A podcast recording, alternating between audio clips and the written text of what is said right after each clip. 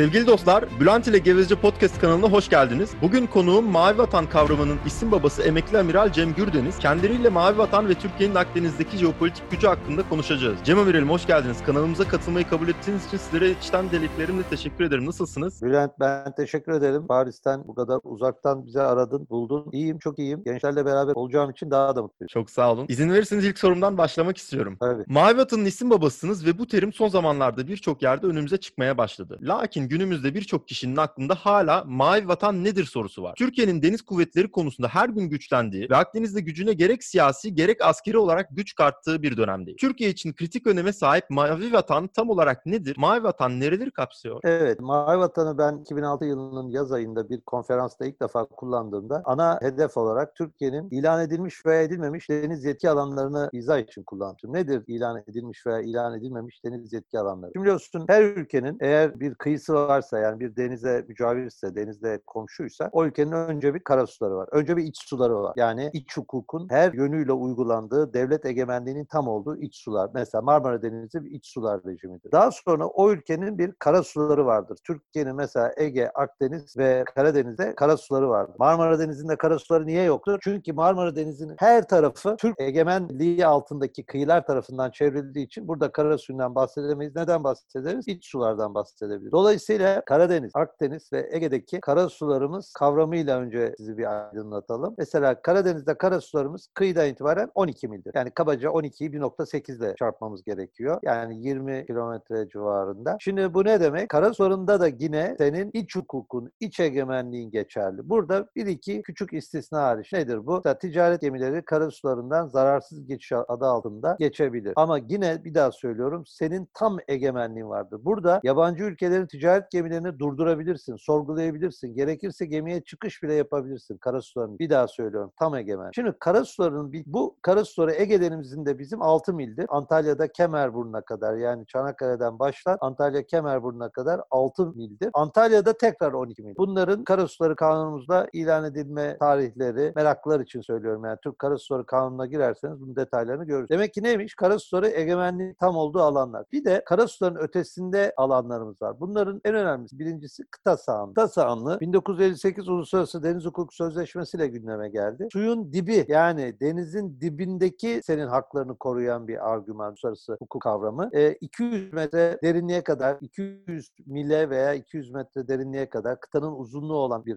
alan. Fakat bu eğer önünde açıklık alan varsa daha derine doğru gidebiliyor. E, daha da uzatabiliyorsun. Dolayısıyla kıta sahanlığı suyun dibindeki e, enerji kaynakları örneğin doğalgaz, örneğin petrol gibi kullanma alanında sana bir takım fırsatlar sunuyor. Dediğim gibi 200 mil ama gerektiğinde önün açıksa neredeyse 350 mile kadar da uzatma hakkın oluyor. Münasır ek- ekonomik bölge ise aynı kıta sahanlığı gibi ama o 200 milden sınırlandırılmış. 200 milin içindeki yine kıta sahanlığı gibi denizin dibi de sana ait ama su da sana ait. Suyun içindeki bütün canlılar da sana ait ve senin bunlar üzerinde egemenlik hakkın var. İsteyene balıkçılığı yaptırmıyorsun veya şu kotalar veriyorsun. Diyorsun ki sana sadece şu mevsimde benim işte Akdeniz'de şu enlem, şu boylamlar arasında şu kadar balık bana izin verin. Gibi. Demek ki özetle ifade edersek Mavi Vatan dediğimiz alan Türkiye'nin Karadeniz'de ilan ettiği ki 80 yılında biz kıta sahanımızı 87'de de münasır ekonomik bölgemizi ilan ettik. Buradaki deniz yetki alanı diyoruz bunların hepsine yani karasuları, Kasanlı, münasır ekonomik bölge. Burayı ben 2006 yılında işte bu alanları Mavi Vatan olarak gösterdim. Yani karadaki toprak parçasından buranın hiçbir ayrımı yok. Niye yok? Çünkü karadaki toprak parçasında sen ne yapıyorsun? E tarım yapıyorsun, sanayi yapıyorsun, hizmet sektörünü işletiyorsun, insanların var. Ama denizde bu insanlar bil fiil e, bulunmuyor diye bu vatanı görmezden gelemeyiz. Bu suyun dibindeki, denizin dibindeki magmaya kadar ilerleyen tabakadaki efendim doğalgaz, petrol, gelecekte rare earth metals dediğimiz nadir metaller ve suyun içindeki balıklar bizim hem enerji güvenliğimiz hem sanayideki ham madde kaynaklarımız hem de en önemli tabii ki e, gıda güvenliğimiz açısından çok ama çok büyük bir yer tutuyor. O yüzden dedi ki ey Türk halkı 21. yüzyılda mavi vatan diye bir kavram var. Bununla buluş ve 21. yüzyılda denizler çok daha önemli olacak. Denizlere çok daha bağımlı olacağız. O yüzden mavi vatanın bir santimetre karesini bir damlasını bile diğer komşularına, diğer ülkelere veya büyük güçlere hukuksuz bir şekilde sana baskı yapılarak, sana efendim tehditler yapılarak bunun elden çıkarılmasına izin verme dedik. Şu an mavi vatan konsepti bu şekilde ilerliyor. Bunun üzerine tabii özellikle geçen sene yapılan çok büyük bir mavi vatan tatbikatı bu kavramı Türk halkının neredeyse ruhuna işledi. Çok büyük bir şey yarattı, farkındalık yarattı. Dolayısıyla bir yerde şunu da gördüm. Mavi Vatan artık terim olarak Türkiye'nin denizcileşmesinin de bir tarifine dönüştü. Yani Türkiye'de e, biliyorsun Osmanlı İmparatorluğu denizci bir imparatorluk olmadığı için çöktü. Şimdi Türkiye Sevr'den 100 yıl sonra esasında denizciliği keşfediyor. Yani denizlere hakimiyetin de, e, çevre denizlerindeki varlığının Anadolu'daki gücünü ne kadar katladığını gösteriyor. O bakımdan Mavi Vatan'ı Türkiye'nin denizcileşmesi olarak da gösterebiliriz. Üçüncü olarak da tabii ki Mavi Vatan sayesinde Türkiye'nin Akdeniz'deki komşularıyla, Akdeniz'deki yakın sahildarlar ve uzak sahildarlarla ilişkileri açısından yeni perspektif. Bu da bir jeopolitik açılım alanı oluşturdu Mavi Vatan adı altında. Bunu da böyle görmek lazım. Demek ki Mavi Vatan üç ayrı konuyu esasında günümüzde temsil ediyor diyebiliriz. Peki Cem'e verelim. Geçtiğimiz aylarda Türkiye Cumhuriyeti Libya ile deniz yetki alanı mütabakatı imzaladı. Yunanistan başta olmak üzere birçok AB ülkesi ve dış aktör bu mütabakatı tanımamakla beraber yayınladıkları bir bildiride bu mütabakatın üçüncü devletlerin egemen haklarını ihlal ettiği ve hukuka aykırı olduğunu dile getirdiler. Cem'e verelim. Bu mütabakat Doğu Akdeniz'de dengeleri nasıl değiştirecek? Doğu Akdeniz'de Türkiye'nin kontrolünün artık diğer bütün aktörlerden daha fazla olduğunu söyleyebilir miyiz? Kesinlikle söyleyebiliriz. Bugün Türkiye'nin 27 Kasım 2019 Libya ile deniz sınırı mutabakat muhtırası bir devrim niteliğindedir. Çünkü biliyorsun Türkiye'nin Doğu Akdeniz'de 1700 kilometreye yakın bir kıyısı var. Şimdi Güney Kıbrıs Haydut Devleti 2004 yılında 2003'ten geçerli olmak üzere kendi münasır ekonomik bölgesini sadece ve sadece Mısır'la 2003 yılında yapmış olduğu bir anlaşmaya istinaden ilan etti. Yani uluslararası hukuk ne diyor ki Türkiye biliyorsun Birleşmiş Milletler Deniz Hukuk Sözleşmesi'ne taraf değil ama teamülü hukuk olarak yani customary law olarak bunu uyguluyor. Ama o haydut devlet 2003'te sadece 17 Şubat'ta Mısır'la yaptığı anlaşmayı göstererek ben de etrafında Türkiye'nin sınırlarına da müdahale ederek Kuzey Kıbrıs Türk Cumhuriyeti'nin haklarını hiçe sayarak bir saha ilan etti. Türkiye bunun üzerine biliyorsun 2011 yılında Güney e, Kuzey Kıbrıs Türk Cumhuriyeti ile bir sınırlandırma anlaşması yaptı. Bu anlaşmanın yanına bir de şimdi bu anlaşma geldi. 27 Kasım Anlaşması 2019. Demek iki tane Türkiye'nin münasır ekonomik bölgesini ilan edebileceği elinde enstrümanı var. Ama Türkiye buna rağmen kıta sahanlığıyla yetiniyor. Diyor ki henüz diyor münasır ekonomik bölge için erken diyor Dışişleri Bakanı. Ama benim gibi e, düşünenler de var. E, özellikle deniz kuvvetleri yıllardır MEB'in ilan edilmesini, balık kaynaklarına da sahip çıkılmasını istiyor. Şu an balık kaynaklarımıza sahip çıkamıyoruz. Kıta sahanlığımıza sahip çıkıyoruz ama balık kaynaklarına sahip çıkamıyoruz. Dolayısıyla Yunanistan'ın e, Türkiye'nin bu hamlesiyle ki 17 kilometrelik küçücük bir çizgiden bahsediyoruz. Yani haritaya bakarsanız şimdi seninki tabii görsel değil ama arkadaşlar Google'a girip sorsunlar 27 Kasım Anlaşması'nın görsellerini. Türkiye ile Libya'nın kıyıdaş olduğunu Amiral Cihat Yaycı şu an Deniz Kuvvetleri Kurmay Başkanı Tüm Amiral ispat etti. Çok güzel. O zaman benim emrimde çalışıyordu 2009-2010 yıllarında. Libya'da bunlar görüşüldü ve Libya'daki şu an Saraç hükümeti, mutabakat hükümeti bunu kabul etti ve bu anlaşma imzalandı. Bu anlaşmanın yarattığı etki Nusret Mayın gemisinin 1915'te döktüğü mayınlar kadar önemlidir yani. Çünkü uluslararası hukuki müktesebat yaratmıştır. İstedikleri kadar yaygara çıkarsınlar. Şu an o mutabakat muhtırasının belirlediği koordinatlar Birleşmiş Milletler'e deklare edilmiştir. Birleşmiş Milletler de bunu kabul etmiştir. Aynı şekilde Libya'daki mutabakat hükümeti de bu şeyi göndermiştir koordinatları. Çünkü Libya'daki mutabakat hükümeti şu an Saraç hükümeti zaten Birleşmiş Milletler'in tanıdığı tek hükümet. Hafter'in hükümeti biliyorsun kanun dışı darbeci bir general olarak milli hükümetine isyan etmiş bir pozisyonda. He,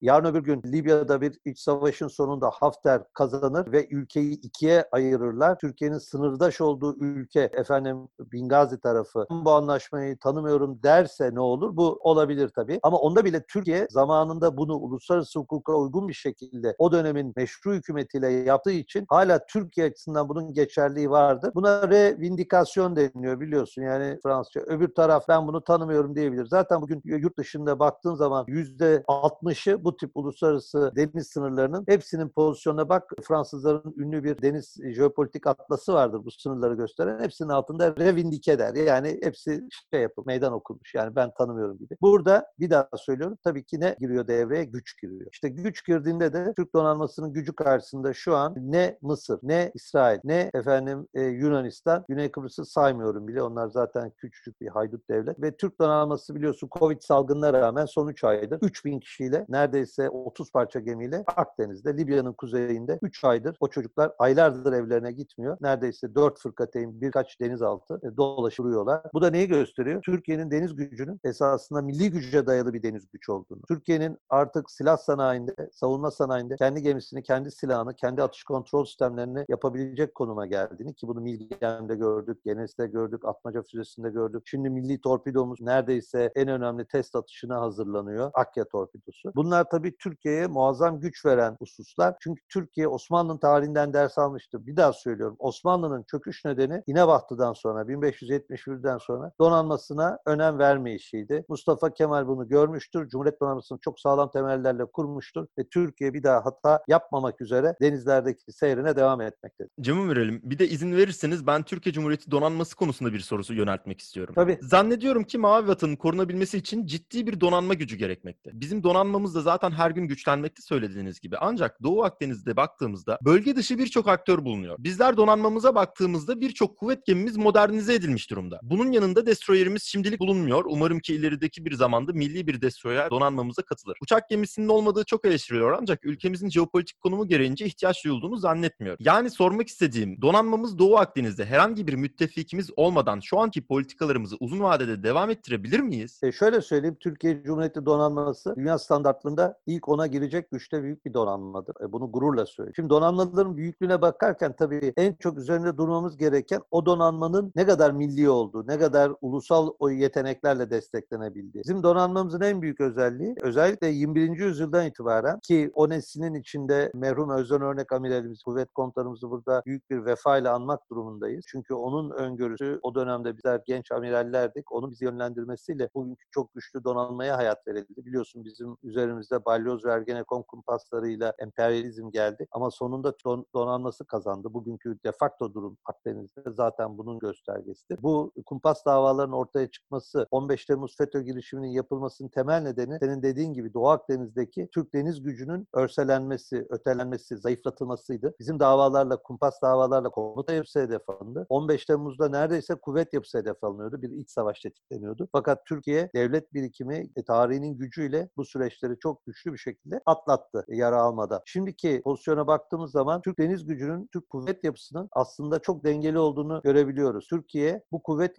yapısıyla artık Osmanlı'nın yaptığı hataya düşmeden periferisine çıkabiliyor. Nedir periferi? Öncelikle Hint Okyanusu, Kızıldeniz. Bugün baktığımız zaman 2009'dan beri Türk Deniz Kuvvetleri Hint Okyanusu veya Kızıldeniz eteklerinde e, sürekli varlık gösterme yeteneğine erişmiştir. Lojistik olarak bunu destekleyecek duruma gelmiştir. Efendim Katar'daki üs, Cibuti'deki, Somali'deki, Sudan'daki Türkiye'nin yaptığı ikili ilişkilerle geliştirilen kolaylıklar Türk Deniz Kuvvetleri'nin bu bölgeye gittiğinde destek olmasını sağlayan olanakları yarattı. Aynı şekilde Kuzey Kıbrıs'ta bir Türkiye'nin deniz üssü kurma girişimi var biliyorsun. Geçitkale'de Türk Deniz Kuvvetleri'nin insan hava araçları için bir üssümüz hizmete girdi son 4-5 aydır. Çok etkin olarak kullanılıyor. Buradan kalkan İHA'lar sayesinde Doğu Akdeniz'de savaş gemisi bile çıkarmadan tam durumsal farkındalık elde edilebiliyor. Buraya gerekirse silahlı insan hava araçları da koyulabiliyor. Bugün Libya'da özellikle Saraç hükümetiyle Türkiye'nin ilişkilerin gelişmesi, şu an Hafter'e son bir ayda Türkiye'nin de desteğiyle büyük zararlar verilmesi, büyük yenilgilere uğratılması, ileride Türkiye'nin Libya'da bir küçük de olsa bir deniz üssüne sahip olmasının yolunu açabilecektir. Tunus ve Cezayir ile ilişkiler geliştirildiğinde benzer şekilde Akdeniz'de Türk deniz gücünün Batı Akdeniz'de de varlık göstermesi için sürekli imkanlar olabilecektir. Biliyorsun Arnavutluk'la Türkiye'nin ilişkileri gayet iyi. Düres'te de Türkiye'nin ileri bir küçük bir destek birimin olduğunu söyleyebiliriz. Nereden bakarsak Akdeniz'de Türkiye, demin de ör- örneğini verdiğim gibi Doğu Akdeniz için zaten hiçbir sorun görmüyorum. Doğu Akdeniz'de Türk Deniz Karakol uçakları, Türk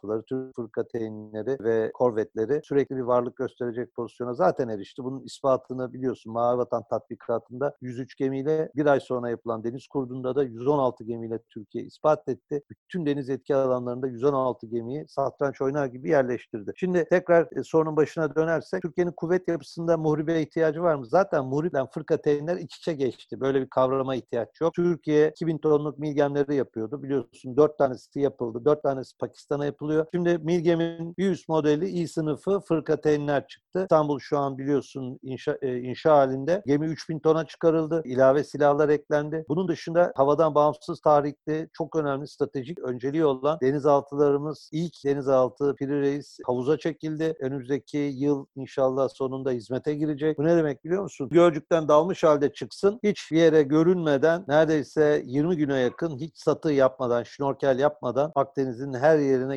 gidebilecek nitelikte bir denizaltı. Bu denizaltılar ileride inşallah hepsi bittiğinde 2030'lara doğru Türkiye'nin Akdeniz'deki gücü tartışmasız çok ama çok büyüyecektir. En güzel olanı şu an bu denizaltıların dördü birden ki bunlar bittiğinde 6 tane olacak. Dördü birden aynı anda inşa ediliyor. Bu da her bahriyenin, her tersanenin yapabileceği bir yetenek değil. Diğer yandan sivil bir tersanede, Sedef'te devam eden Anadolu'dan da bahsedelim. Bu 30 bin küsur tonlu savaş gemisi Türkiye'nin halk diliyle ilk uçak gemisi olmaya aday esasında LHA dediğimiz Landing Helicopter Amphibious amfibi hücum gemisi. Bu esasında LPD dizaynının üzerine geliştirilmiş. Yani Landing Platform Dock dediğimiz geminin e, arka tarafı, kış tarafı suyun içine batıyor. Havuz açılıyor. İçinden e, 5-6 tane LCU dediğimiz küçük, LCM dediğimiz küçük deniz araçları çıkıyor. Bunların içinde personel var. Efendim bunların içinde top var ve bu araçlar sayesinde denize istediğin bir e, amfibi hücum bölgesinde e, güç intikal ettirebiliyorsun. Neredeyse bir tam donanımlı bir amfibi taburu, hücum taburunu bu gemiye yükleyebiliyorsun. 8'e yakın efendim koyabilirsek tabii ki dikine iniş kalkış yapan uçak koyabiliyoruz. Efendim e, eğer uçakları koymazsan 15'e yakın helikopter, atak helikopteri, Çinük helikopteri yerleştirebiliyorsun. Bunlar tabii Türkiye'nin hücum, e, daha doğrusu e, güç intikal, power projection yeteneklerini son derece arttıran bir gemi. Bu gemiyi sadece Akdeniz olarak düşünme. Türkiye'nin çıkarlarının olduğu her alanda, özellikle Türk vatandaşlarının, Türkiye'nin ekonomik çıkarlarının olduğu yerde e, tahliye harekatından tut, silahlı tahliye harekatı, silahsız tahliye harekatı, e, doğal afetlere yardım efendim veya çok çok ciddi bir iç savaş başlaması durumunda oradaki duruma Türkiye lehinde müdahale gibi konularda kullanabilirsiniz. Mesela bugün böyle bir gemimiz olsaydı 1900'lerin 90'ların başındaki Adriyatik krizinde yani Bosna Hersek'te e, o kadar soydaşımız, o kadar akrabamız e, katledilemezdi. Böyle bir gemi oraya giderdi. Oradan gerekirse silahlı tahliye harekatıyla binlerce kişiyi gemiye alabilirdi. Şimdi ama inşallah bu gemi önümüzdeki yıl hizmete girdiğinde göğsümüzü gere gere diyeceğiz ki Türkiye artık gücünün, e, deniz gücünün belki de Preveze döneminden sonraki en büyük aşamasına gelmiştir diyeceğiz. Bunun bir de kardeşi var Trakya. O da geldiğinde daha da güçleneceğiz.